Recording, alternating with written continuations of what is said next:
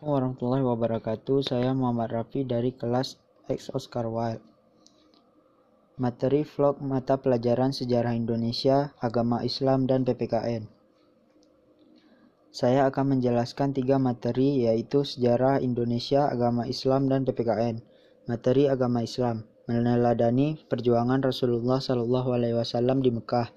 Rasulullah Shallallahu Alaihi Wasallam diutus oleh Allah Subhanahu Wa Taala untuk membawa ajaran tauhid. Masyarakat Arab yang saat ia dilahirkan bahkan jauh sebelum ia lahir hidup dalam praktik kemusyrikan.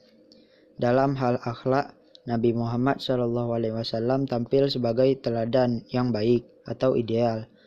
Sejak sebelum menjadi nabi, ia telah tampil sebagai sosok orang yang jujur, sehingga diberi gelar oleh masyarakatnya sebagai Al-Amin atau yang dapat dipercaya.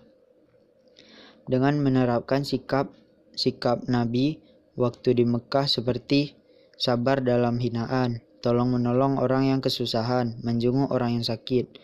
Materi sejarah Indonesia. Sejarah masuknya agama Islam ke Indonesia.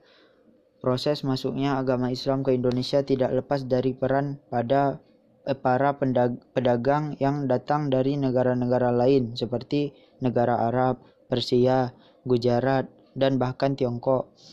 Persebaran agama Islam itu sendiri tidak lepas dari peran pedagang pedagang yang datang ke Indonesia yang selain berdagang juga melakukan dakwah kepada para penduduk setempat untuk memeluk agama Islam.